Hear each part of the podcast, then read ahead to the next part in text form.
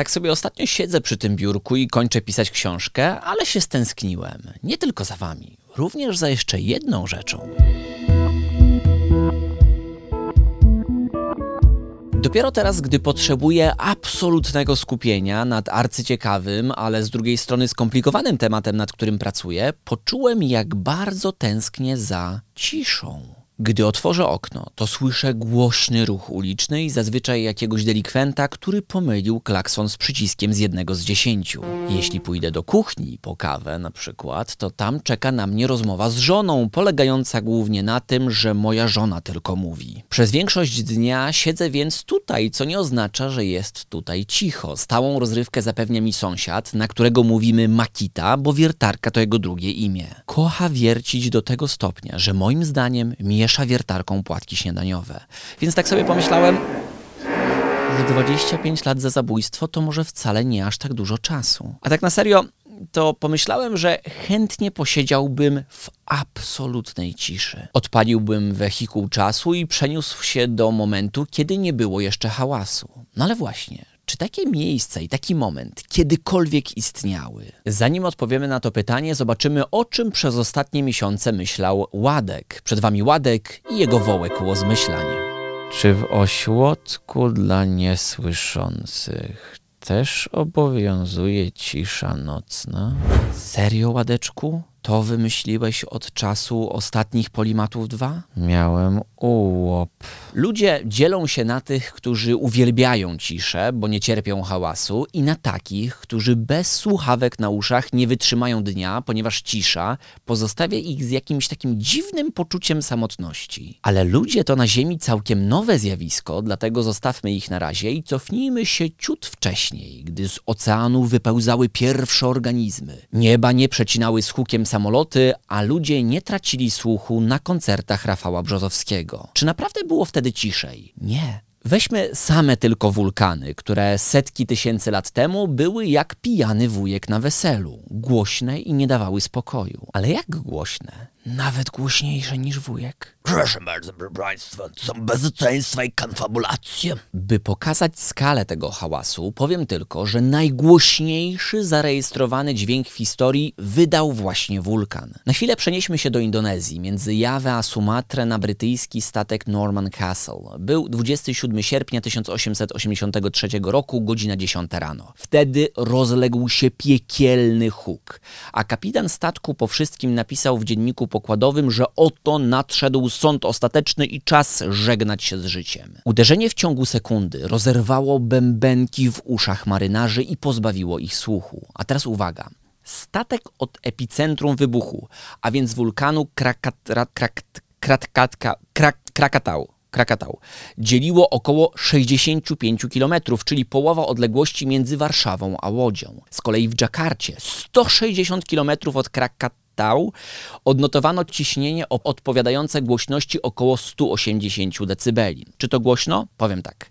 Gdybyście stanęli przy startującej rakiecie kosmicznej, to jest szansa na porównywalną głośność, z tym, że musielibyście stać obok niej, a nie 160 km dalej. Istnieje teoria, która mówi, że gdyby taki wulkan wybuchł obok Warszawy, prawdopodobnie wszyscy w mieście straciliby słuch. Mówimy na razie tylko o wulkanach, a w dziejach podobnych przyjemniaczków było więcej, więc hałas był tu obecny zawsze, na długo przed nami. My tylko wynaleźliśmy nowe jego źródło i nauczyliśmy się go ograniczać, momentami dość skutecznie. Ludzie zrobili z ciszy coś regulowanego prawem lub obyczajami. Obowiązuje cisza w bibliotece, cisza w muzeum, e, cisza w teatrze, cisza nocna, cisza w eterze, e, brak sztormu nazywa się ciszą na morzu, a za tekst o rozmowach w kuchni z moją żoną Czekają mnie ciche dni. W zamiłowaniu do ciszy ludzie osiągnęli granicę trudną do przekroczenia, granicę praw fizyki. W Redmond na przedmieściach Seattle znajduje się należący do Microsoftu tzw. Tak budynek 87, a w nim jeden maluteńki pokoik, który w księdze rekordów Guinnessa figuruje jako najcichsze miejsce na świecie. Cichsze nawet niż oklaski na premierze ostatniego filmu Patryka Wegi. Wyobrażacie to sobie? We wspomnianym pokoju dźwięk po prostu się nie odbija. Dopiero zamknięci tam ludzie zaczynają rozumieć, że coś takiego jak cisza naprawdę nie istnieje, bo po kilku minutach zaczynają słyszeć miarowe bicie swojego serca, które urasta niemal do huku. Do tego dochodzą odgłosy jakiegoś na przykład pracowania płuc, żołądka, a nawet skrzypiące stawy. Wszystko nienaturalnie głośne. Wychodzi więc na to, że człowiek sam wypełniony jest hałasem.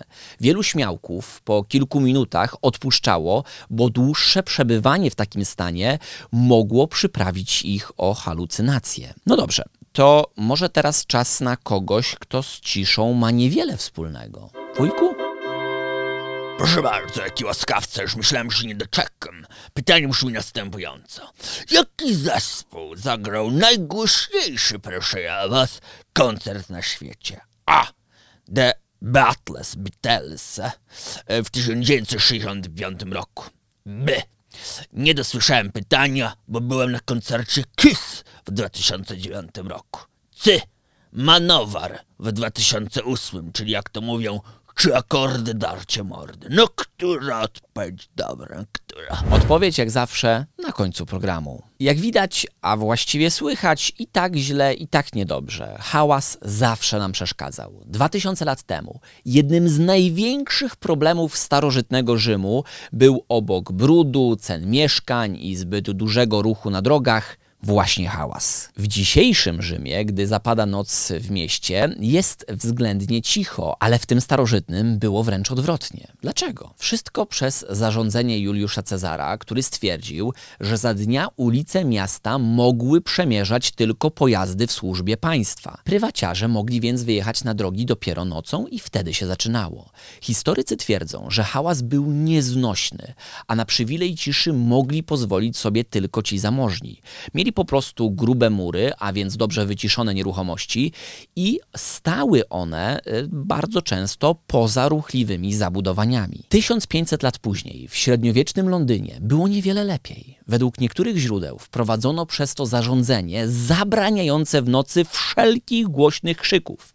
Jakich zapytacie? Mamy na to pisemne przekazy. Uwaga, chodziło o takie hałasy jak wszczynanie burt, bicie żony albo służącego oraz śpiewanie i wyprawianie we własnym domu głośnych przyjęć.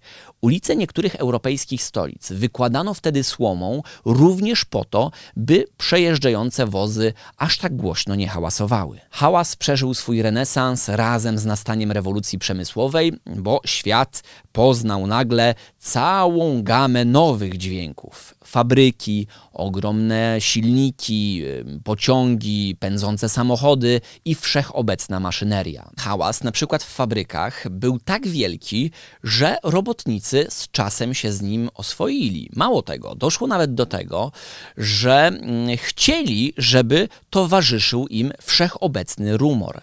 Karin Birsterwelt, badaczka z Uniwersytetu w Maastricht, twierdzi, że na początku zeszłego stulecia, jeszcze wtedy, próby wprowadzenia zatyczek do uszu w bardzo głośnych zakładach pracy e, kończyły się fiaskiem, bo robotnicy kręcili nosem i tłumaczyli, że stopery przeszkadzają im w robocie. Jak?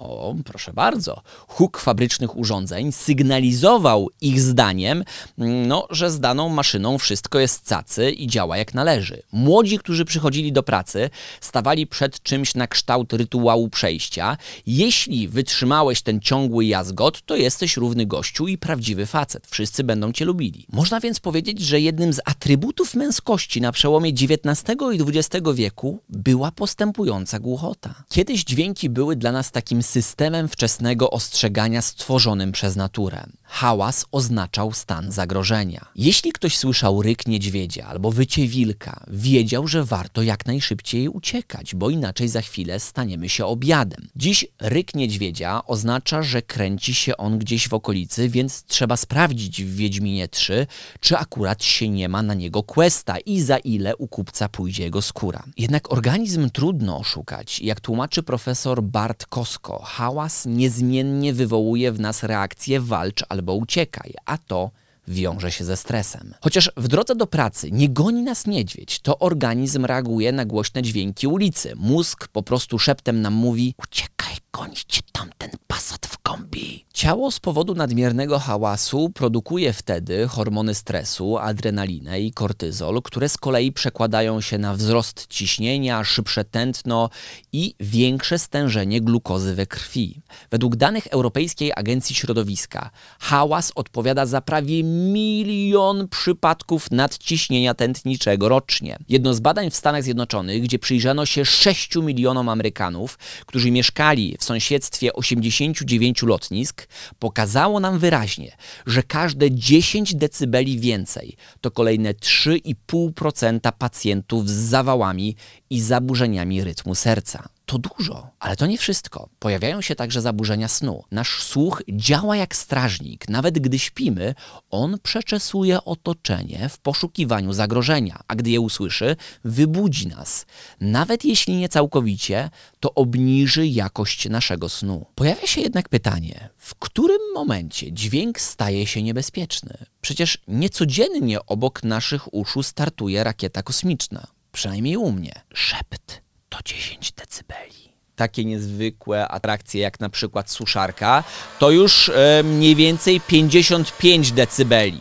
Klakson, czy to jako odzwierciedlenie dźwięku z jednego z dziesięciu, czy też standardowy, daje wynik na poziomie około 85, a głośna koncertowa muzyka takich hitów jak na przykład ten, to już nawet 130 decybeli, jeśli ten koncert jest w rzeczywistości rzetelnie przeprowadzony. Jednak back. Problemy zaczynają się może nie przy okazji mojego wątpliwego talentu muzycznego, a dużo, dużo wcześniej. Dlatego, że już cicha muzyka albo szumiący nieustająco wentylator mogą powodować problemy z koncentracją i zdenerwowaniem kiedy dociągamy do 70 dB. A takie warunki bardzo często panują w pracy, za sprawą jakiegoś rodzaju głośnych rozmów czy ciągłego szumu, to one już mogą doprowadzić do mm, takiego nieuchronnego i niemal nieustającego zmęczenia układu nerwowego. Gdy skazujemy się w pracy na ciągły hałas i gwar na poziomie 85 dB, to równie dobrze moglibyśmy jeździć po naszym open space na kosiarce spalinowej albo wyjątkowo głośnym odkurzaczu. Utarło się powiedzenie, że dawka czyni truciznę, ale w tym przypadku jest odwrotnie. Trucizną jest regularność i nieustanność. Przekroczenie granicy 120 dB to też przekroczenie granicy bólu. Witamy się wtedy serdecznie z trwałym uszkodzeniem słuchu, a przynajmniej z taką możliwością, a ciągłe drganie powoduje, że nasze organy wewnętrzne czują się jak ludzie na koncercie Denzela. Swoją drogą jego najbardziej znany kawałek, Pump It Up, miał premierę 27 sierpnia 2004 roku, czyli dokładnie w 121. rocznicę wybuchu wulkanu Krakatau. Przypadek? Nie sądzę. Niezależnie jednak, czy urodziliśmy się w erze Denzela, Spice Girls czy Rogala DDL, byliśmy w dzieciństwie ofiarami dźwięku. W szkołach bardzo często jest zbyt głośno, a zdarza się i tak, że dzwonek ledwo przebija się przez harmider na korytarzu. W latach 70. tym tematem zainteresowała się profesor Arlene Bronzaft, która postanowiła przebadać uczniów jednej ze szkół na Manhattanie, obok której w takiej bezpośredniej bliskości przebiegała linia metra. Przez trzy lata obserwowała dwie grupy dzieci. Te, które uczyły się ściana w ścianę z metrem i te, które miały to wielkie szczęście, że ich sala znajdowała się w cichszej części szkoły. Po trzech latach Okazało się, że pierwsza grupa była średnio o 11 miesięcy do tyłu w nauce. Badania z Cornell University pokazują, że takie dzieci mają potem trudności z pisaniem, wolniej się uczą i gorzej rozumieją czytany tekst. Nie zapominajmy jednak, że ta sama trucizna, więc hałas, która sączyła się do uszu badanych dzieci w szkołach amerykańskich, no nie za bardzo różni się od tego, czego doświadczamy w open space'ach czy w głośnych zakładach pracy. W domach bywa podobnie, więc kiedy sąsiadka zaczyna tłuc miotłą w sufit i krzyczeć, żebyście ściszyli muzykę, może warto byłoby jej podziękować za troskę. Dlatego warto chronić się przed przeróżnego rodzaju natarczywymi dźwiękami. Ja staram się to teraz robić w momencie, w którym e, próbuję skupić się na pisaniu książki, a właściwie chodzi o to, żeby ochronić się przed pandemią hałasu, którą mamy teraz na świecie obok innej pandemii. Ja na przykład wygłuszyłem swoje biuro, dociera tu o wiele mniej hałasu niż wcześniej. Tym odcinkiem testuję to, jak rozchodzi się teraz dźwięk.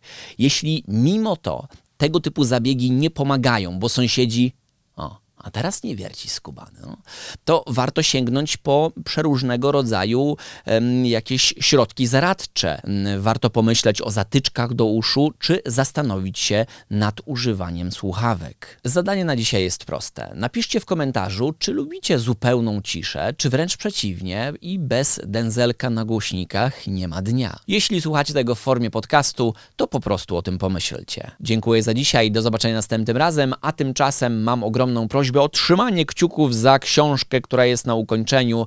Niebawem dowiecie się, o czym ona będzie. Poprawna odpowiedź na zagadkę to C. Manowar, który w 2008 roku na koncercie zanotował 139 dB, ustanowił taki powszechnie przyjęty rekord. Rzadko który koncert zbliża się do tej granicy, natomiast możemy zbliżyć się nieco bardziej do siebie za sprawą tego, że klikniecie pod tym filmem łapkę w górę i będziecie subskrybowali Polimaty 2 w oczekiwaniu na kolejne odcinki. Do zobaczenia.